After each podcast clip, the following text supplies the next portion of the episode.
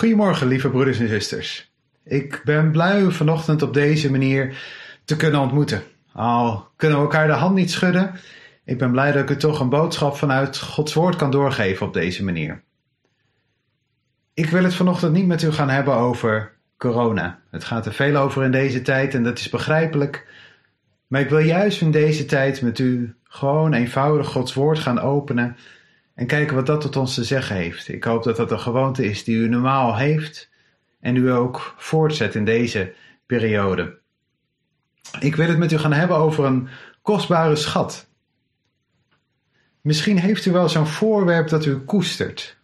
Een voorwerp dat u dierbaar is omdat u het heeft geërfd, omdat u het heeft gekregen van een geliefde. Misschien zit er een bijzondere herinnering aan vast. Misschien is het een sieraad, een beeldje, een knutsel van een van uw kinderen, een brief van iemand of een foto. Iets wat u voor geen goud in de wereld aan iemand zou verkopen. Eenvoudigweg omdat voor u de waarde van dat voorwerp niet in geld uit te drukken is. Nu, God heeft ook zo'n schat en hij koestert deze schat. Ik wil met u een aantal versen gaan lezen uit het boek Exodus. En ik zal u vast waarschuwen, we gaan vanochtend heel wat Bijbelgedeeltes lezen. Soms zal ik de versen kort citeren en andere keren zal ik een langer stuk lezen. En ik wil u vragen zoveel mogelijk actief mee te lezen. Nu is het voordeel van deze videoopname dat ik de teksten ook in beeld kan zetten. Dat u op die manier kunt meelezen, maar ik zou willen aanmoedigen. Zoek ze vooral ook op en ga ze thuis nalezen en de gedeeltes eromheen. Ik wil nu met u gaan lezen Exodus 19, vers 4 tot 6. En daar lezen we: U hebt zelf gezien wat ik met de Egyptenaren gedaan heb en hoe ik u op arendsvleugels gedragen en u bij mij gebracht heb. Nu dan, als u nauwgezet mijn stem gehoorzaamt en mijn verbond in acht neemt, dan zult u uit alle volken mijn persoonlijk eigendom zijn, want heel de aarde is van mij. U dan, u zult voor mij een koninkrijk van priesters en een heilig volk zijn. Dit zijn de woorden die u tot de Israëlieten moet spreken. Nu, misschien valt het u niet direct op wat ik bedoel met die kostbare schat waar we hierover lezen. En in onze Nederlandse vertalingen komt dat ook niet zo heel duidelijk naar voren. Maar ik heb het over de woorden persoonlijk eigendom. Daar staat het Hebreeuwse woordje segula. En dat betekent inderdaad persoonlijk eigendom. Dat is correct vertaald. Maar het is wel een woord dat veel dieper gaat dan persoonlijk eigendom. Het woord is afkomstig uit koninklijke kringen. Oosterse koningen bezaten kostbaarheden waar ze zeer aan gehecht waren. Zo lezen we bijvoorbeeld in 1 Kronieken 29 dat David van zijn persoonlijke kostbaarheden van goud en zilver geeft voor de bouw van de tempel. Salomo vertelt in Prediker 2 vers 8 dat hij kostbaarheden van koningen voor zichzelf verwierf. In beide gevallen gaat het om hetzelfde Hebreeuwse woordje segula, de persoonlijke schat van een koning. Nu, Israël wordt hier vergeleken met zo'n schat van een koning. En niet zomaar een koning, de schat van God zelf. Heel de aarde is van hem.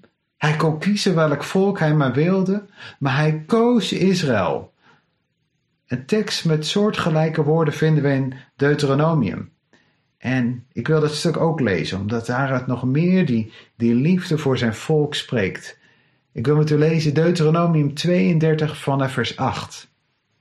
Daar lezen we: Toen de Allerhoogste aan de volken het erfelijk bezit uitdeelde, toen hij Adams kinderen van elkaar scheidde, heeft hij het grondgebied van de volken vastgesteld overeenkomstig het aantal Israëlieten.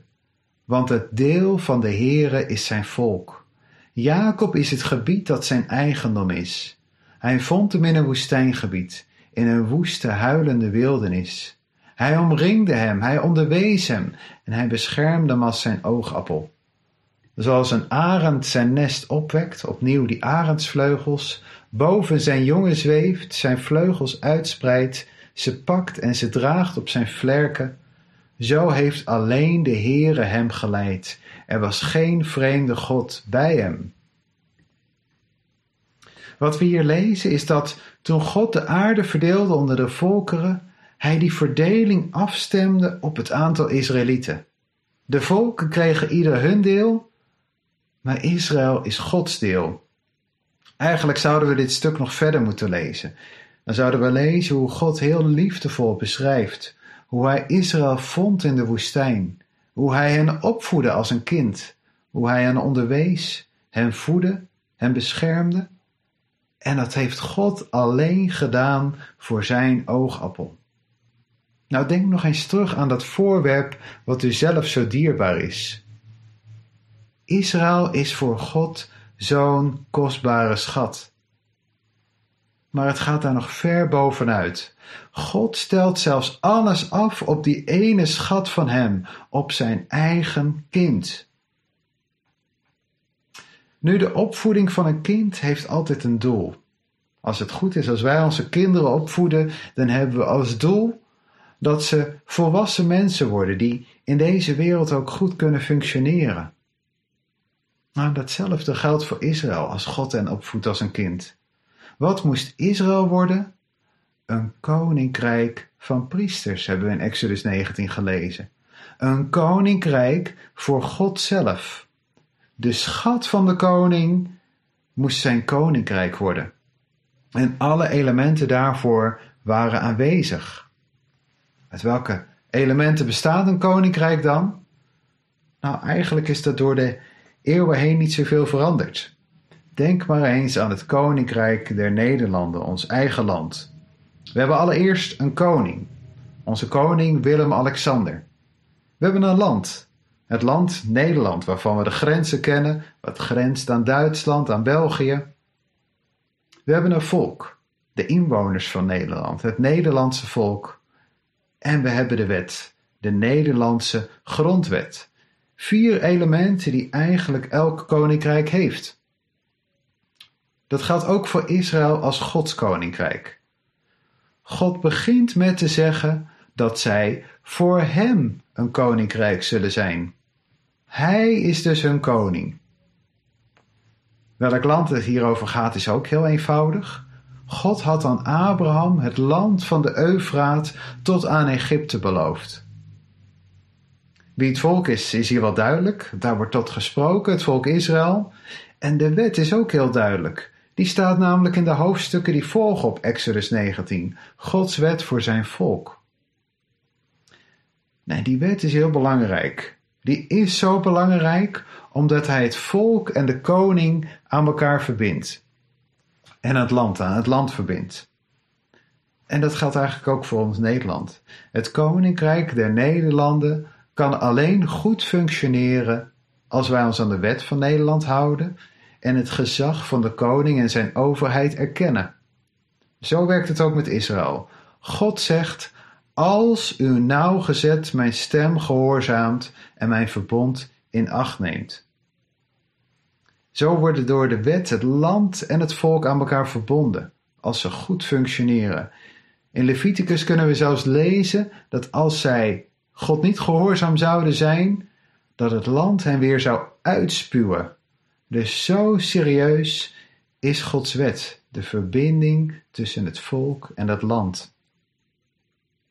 We hebben dus gezien dat Israël Gods persoonlijke schat moest zijn, dat zij voor hem als een kind waren, dat hij van hen zijn eigen koninkrijk wilde maken.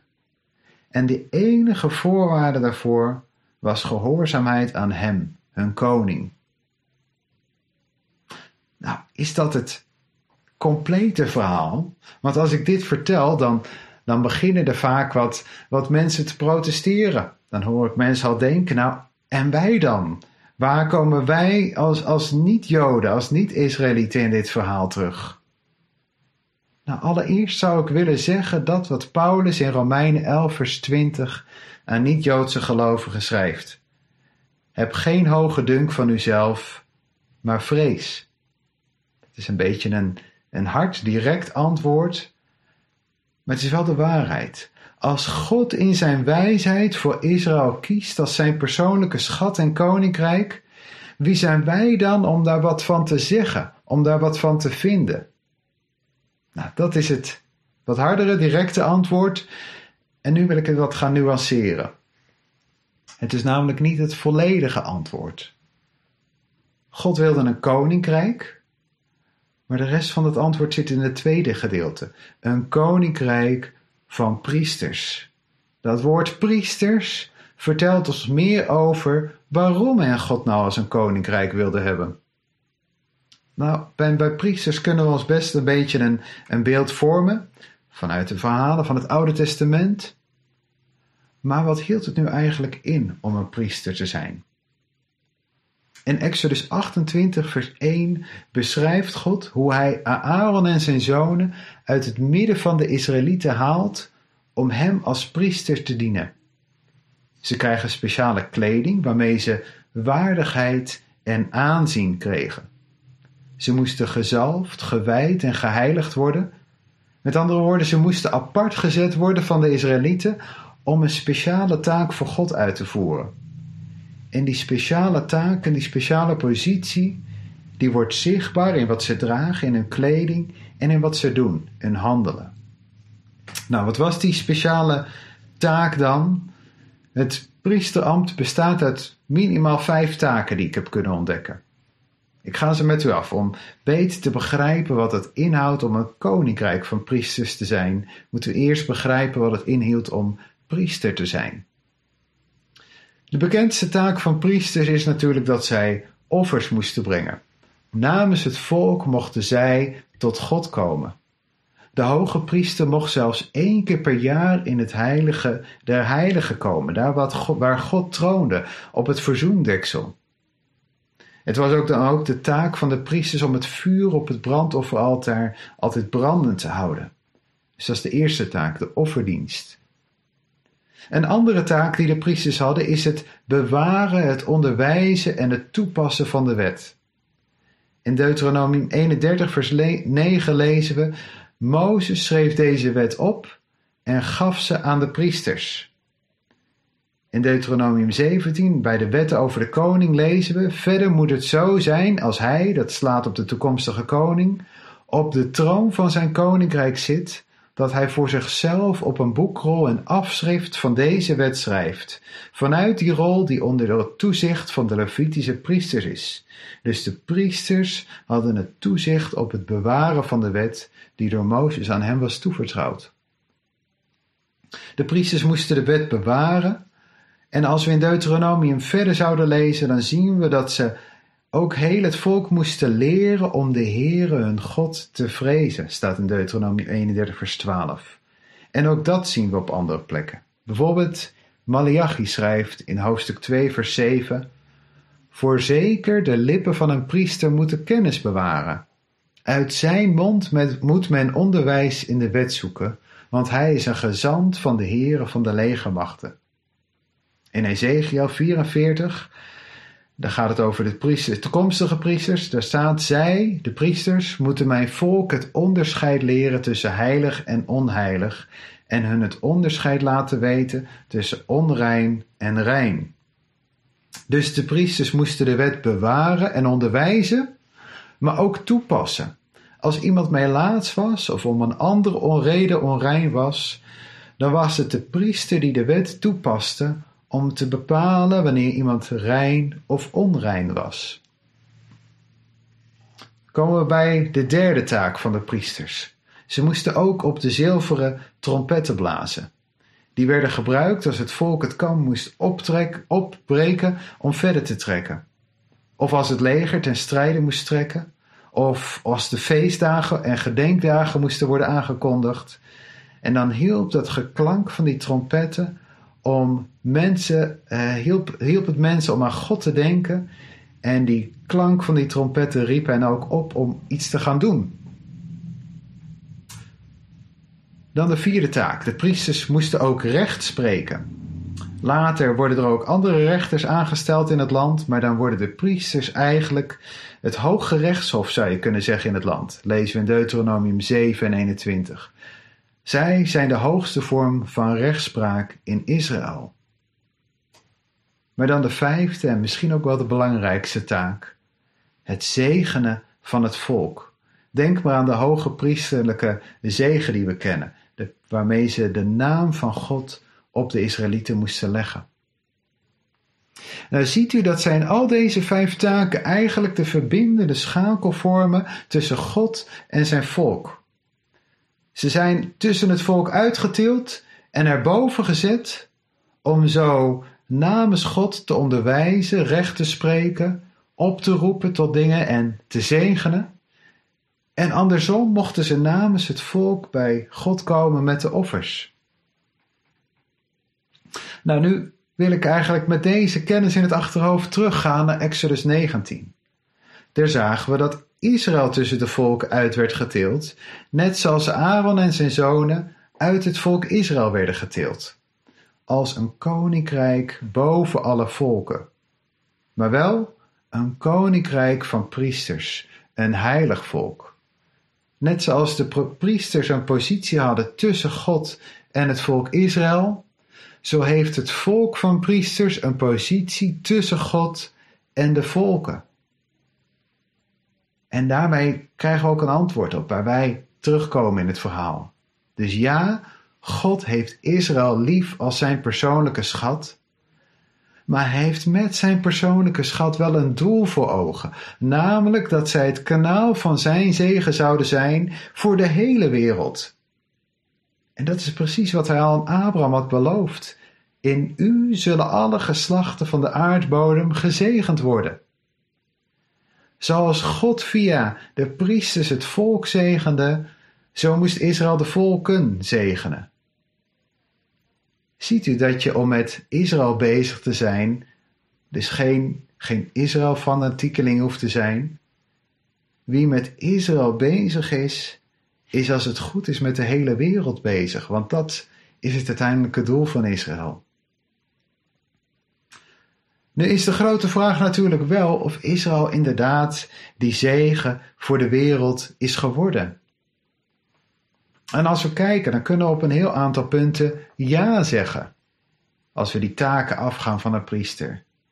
Denk er bijvoorbeeld aan dat Israël het woord van God voor ons bewaard heeft, zoals priesters dat moesten doen. God gebruikte in de eerste plaats Joodse mannen om zijn woord op te laten schrijven. De Bijbel is door de Heilige Geest geleid geschreven door zo'n veertig verschillende schrijvers, die allemaal in verschillende tijden leefden, op verschillende plekken leefden en een totaal ander leven hadden. Maar al deze mannen hadden één ding gemeenschappelijk. Ze waren allemaal Joods. Ze hebben ook Gods woord overgeleverd. Eerst werd alles netjes op boekrollen opgeschreven en daarna telkens nauwkeurig overgeschreven. In de kantlijn van de tekst werd van elke regel het aantal letters genoteerd, het aantal uitdrukkingen, de middelste letter van elk vers en het midden van elk boek. En al deze cijfers werden gecontroleerd door tellingen. Dat deden de Massoreten. En als er ook maar één schrijffout in zat, dan werd de hele boekrol begraven. Dus doordat God het Joodse volk gebruikt om zijn woord over te leveren, heeft u nu vandaag een Bijbel in de kast staan en hopelijk misschien wel op uw schoot liggen nu. En er is nog een zegen die ze aan de wereld hebben gegeven. God gebruikte het Joodse volk om zijn grootste zegen aan de wereld te geven, namelijk de Heer Jezus zelf. Hij werd geboren als een Joodse man, te midden van het Joodse volk. Het was de Messias van Israël, door wiens offer wij toegang hebben gekregen tot de God van Abraham, Isaac en Jacob. Dus inderdaad, het Joodse volk heeft gedeeltelijk die rol van priesters voor de wereld vervuld. Ze zijn een zegen geworden. Maar als we vandaag naar hen kijken, kunnen we dan zeggen dat ze vandaag de dag het koninkrijk van priesters voor God zijn? Nee, de laatste keer dat ik op het nieuws keek, had Israël een president en een premier en geen koning. Is Israël op dit moment een heilig en apart gezet volk voor God? Nee, ze zijn juist hard aan het vechten om van de wereld dezelfde erkenning te krijgen als alle andere volken. Zijn ze priesters? Nee, ze hebben vandaag misschien een aantal taken van priesters vervuld, en in het, ze hebben misschien een aantal taken van priesters vervuld in het verleden. Maar vandaag de dag zien we die taken eigenlijk niet meer bij hen terug. Hoe zit het dan? Roept God Israël om een zegen te zijn voor de wereld? Roept hij hen om priesters te zijn voor de wereld? Maar is dat plan per ongeluk mislukt? Is dat waarom hij hen op adelaarsvleugelen heeft gedragen? Is dat waarom hij voor hen in de woestijn heeft gezorgd als voor een kind? Waar is het misgegaan? En daarvoor moeten we opnieuw even terug naar Exodus 19. We hadden namelijk al gezien dat er een voorwaarde bij staat. Als u nauwgezet mijn stem gehoorzaamt en mijn verbond in acht neemt. Aan die voorwaarden, aan die wet van het koninkrijk, is nog niet voldaan door het volk. Israël is ongehoorzaam geworden aan God. En als we geloven dat God met alles tot zijn doel zou komen, is onze vraag dus eigenlijk niet: is Gods plan mislukt? Onze vraag is eigenlijk: wanneer zal Israël wel dat koninkrijk van priesters worden? En dat is eigenlijk precies dezelfde vraag die de discipelen in handelingen aan de Heer Jezus stelden. Here, zult u in deze tijd voor Israël het koninkrijk weer herstellen? En Petrus geeft daar later in handelingen eigenlijk indirect zelf antwoord op, als hij het volk in handelingen 3 oproept tot bekering, zodat er tijden van verkwikking zullen komen van het aangezicht van de Heere, en hij Jezus Christus zal zenden, die tevoren aan u verkondigd is. Hem moet de hemel ontvangen tot de tijden waarin alle dingen worden hersteld. Dus Petrus geeft geen tijdstip waarop het koninkrijk voor Israël wordt hersteld, maar wel opnieuw die voorwaarde. Voorwaarde is dat het volk zich zal bekeren. Eigenlijk hetzelfde als God gehoorzaam zijn, wat we in Exodus lazen. Als zij dat doen, zal de Heer Jezus terugkomen en zijn koninkrijk oprichten. Als we de profetieën bestuderen, dan zien we dat Israël in dat koninkrijk in de toekomst volledig haar rol als koninkrijk van priesters zal vervullen. En dat koninkrijk, dat kennen we ook wel als het Messiaanse Rijk, het Vrederijk of het Duizendjarig Rijk. En ik wil er eens een aantal van die profetieën bijpakken om te laten zien hoe compleet dat beeld is, wat dan vervuld zou worden van koninkrijk van priesters. Laten we Isaiah 61, vers 5 lezen. Daar staat: Vreemden zullen klaarstaan en uw kudde weiden. Vreemdelingen zullen uw akkerbouwers en uw wijnbouwers zijn. U echter zult genoemd worden priesters van de Heere. Men zal u noemen dienaren van onze God. U zult het vermogen van de heidenvolken eten. U zult u beroemen in hun luister. In de toekomst wordt, wat we hier lezen, Israël dus vrijgesteld van het werk op het land. Dat doen de heidenvolken voor hen, zodat zij hun priesterdienst kunnen vervullen. En misschien hoor ik hier alweer wat mensen protesteren, maar bedenk opnieuw waarom zij die priesterdienst vervullen. Om een zegen te zijn voor de hele wereld. En om dat nog eens te onderstrepen dat het om het hele volk gaat in de toekomst, wil ik met u Zacharia lezen. Zacharia 14, vers 20. Daar staat: Op die dag zal op de bellen van de paarden staan, heilig voor de Heere. En de potten in het huis van de Heere zullen zijn als de springbekkens voor het altaar. Ja, al de potten in Jeruzalem en in Juda zullen voor de Heere van de legermachten heilig zijn, zodat alle die willen offeren, zullen komen en ervan nemen om erin te koken. Nou, misschien ziet u hier in deze tekst niet direct het verband met de priesters, maar weet u wat er op het voorhoofd van de hoge priester zat in het Oude Testament? Hij droeg een gouden plaat op zijn voorhoofd met erop de tekst: Heilig voor de Heere. Precies dezelfde tekst als we net in Zacharia hebben gelezen. Nu, als de Heer Jezus koning gaat worden, dan draagt niet meer één persoon, de hoge priester in dat volk, die tekst op zijn voorhoofd. Dan dragen zelfs de paarden in Israël die tekst op de belletjes die aan hun bit zitten. Net zoiets geldt voor de voorwerpen van de tempel. In het Oude Testament mochten in de tempel alleen de daarvoor specifiek gemaakte en geheiligde voorwerpen worden gebruikt. Maar dan in de toekomst, in het koninkrijk van priesters, dan zullen zelfs de potten en de pannen in van elke keuken in Jeruzalem geschikt zijn voor de offerdienst. Ziet u dat dit een vervulling is van Exodus 19, waar het werkelijk gaat om een, om een heel volk van priesters, die zelfs de potten en de pannen voor de tempeldienst kunnen gebruiken, waar zelfs de paarden heilig voor de heren zijn. En ook de taken van de priester zullen ze dan allemaal vervullen. Allereerst het offeren. Nou, we hebben net gelezen dat alle potten en pannen van het volk zullen geschikt zijn om te offeren. Dan het bewaren, onderwijzen en toepassen van de wet. In Jeremia 31 lezen we: Voorzeker, dit is het verbond dat ik na die dagen met het huis van Israël sluiten zal, spreekt de Heer. Ik zal mijn wet in hun binnenste geven en zal die in hun hart schrijven. Ik zal hun tot een God zijn en zij zullen mij tot een volk zijn. Dan zullen ze niet meer in ieder zijn naaste en in ieder zijn broeder onderwijzen door te zeggen: Ken de Heere. Want zij zullen mij alle kennen, vanaf hun kleinste tot hun grootste toespreekt de Heere. Want ik zal hun ongerechtigheid vergeven en aan hun zonde niet meer denken. Het gaat dan niet langer meer om enkelingen die het volk onderwijzen, enkele priesters, enkele leraars.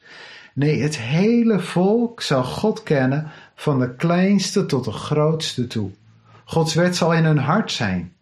In een andere profetie in Zacharia lezen we dat tien mannen uit de volken de jas van een Joodse man zullen grijpen, omdat ze hebben gehoord dat God met hem is. Op diverse andere plekken lezen we dat de wet zal uitgaan van Sion, God zal zijn volk dus gebruiken als onderwijzers voor de wereld. Nou dan de trompetten. We lezen nergens in de Bijbel letterlijk dat het volk trompetten zal blazen in het Messiaanse Rijk. Maar die trompetten die werden in het Oude Testament gebruikt om de feestdagen mee aan te kondigen. En wat we wel zien in Zacharia 14 is dat in het Messiaanse Rijk de volken naar Jeruzalem zullen trekken om daar het loofhuttenfeest te vieren. Nou dan de rechtspraak. Israël zal ook het centrum van het recht zijn. In Jesaja 32 vers 1 lezen we dat zij als vorsten zullen heersen overeenkomstig het recht. In Zachariah 8 lezen we dat Jeruzalem de stad van de waarheid genoemd zal worden. Het recht zal daar dus ook zegevieren. En zo met al deze dingen zullen ze uiteindelijk die zegen zijn voor de wereld, de belangrijkste taak van een priester. Nu zo zien we hoe dat beeld, dat, hoe ze volledig een rol van koninkrijk van priesters zullen vervullen. Maar als ik hier amen zou zeggen, dan zou ik een heel belangrijk onderdeel missen. Dan zou ik de belangrijkste persoon missen. Want dit alles, al deze dingen, dit koninkrijk van priesters zijn, zal Israël niet in eigen kracht doen, maar alleen samen en onder leiding van Hem die de koning en de priester zal zijn. Onze Heer Jezus is degene naar wie al die offers wijzen.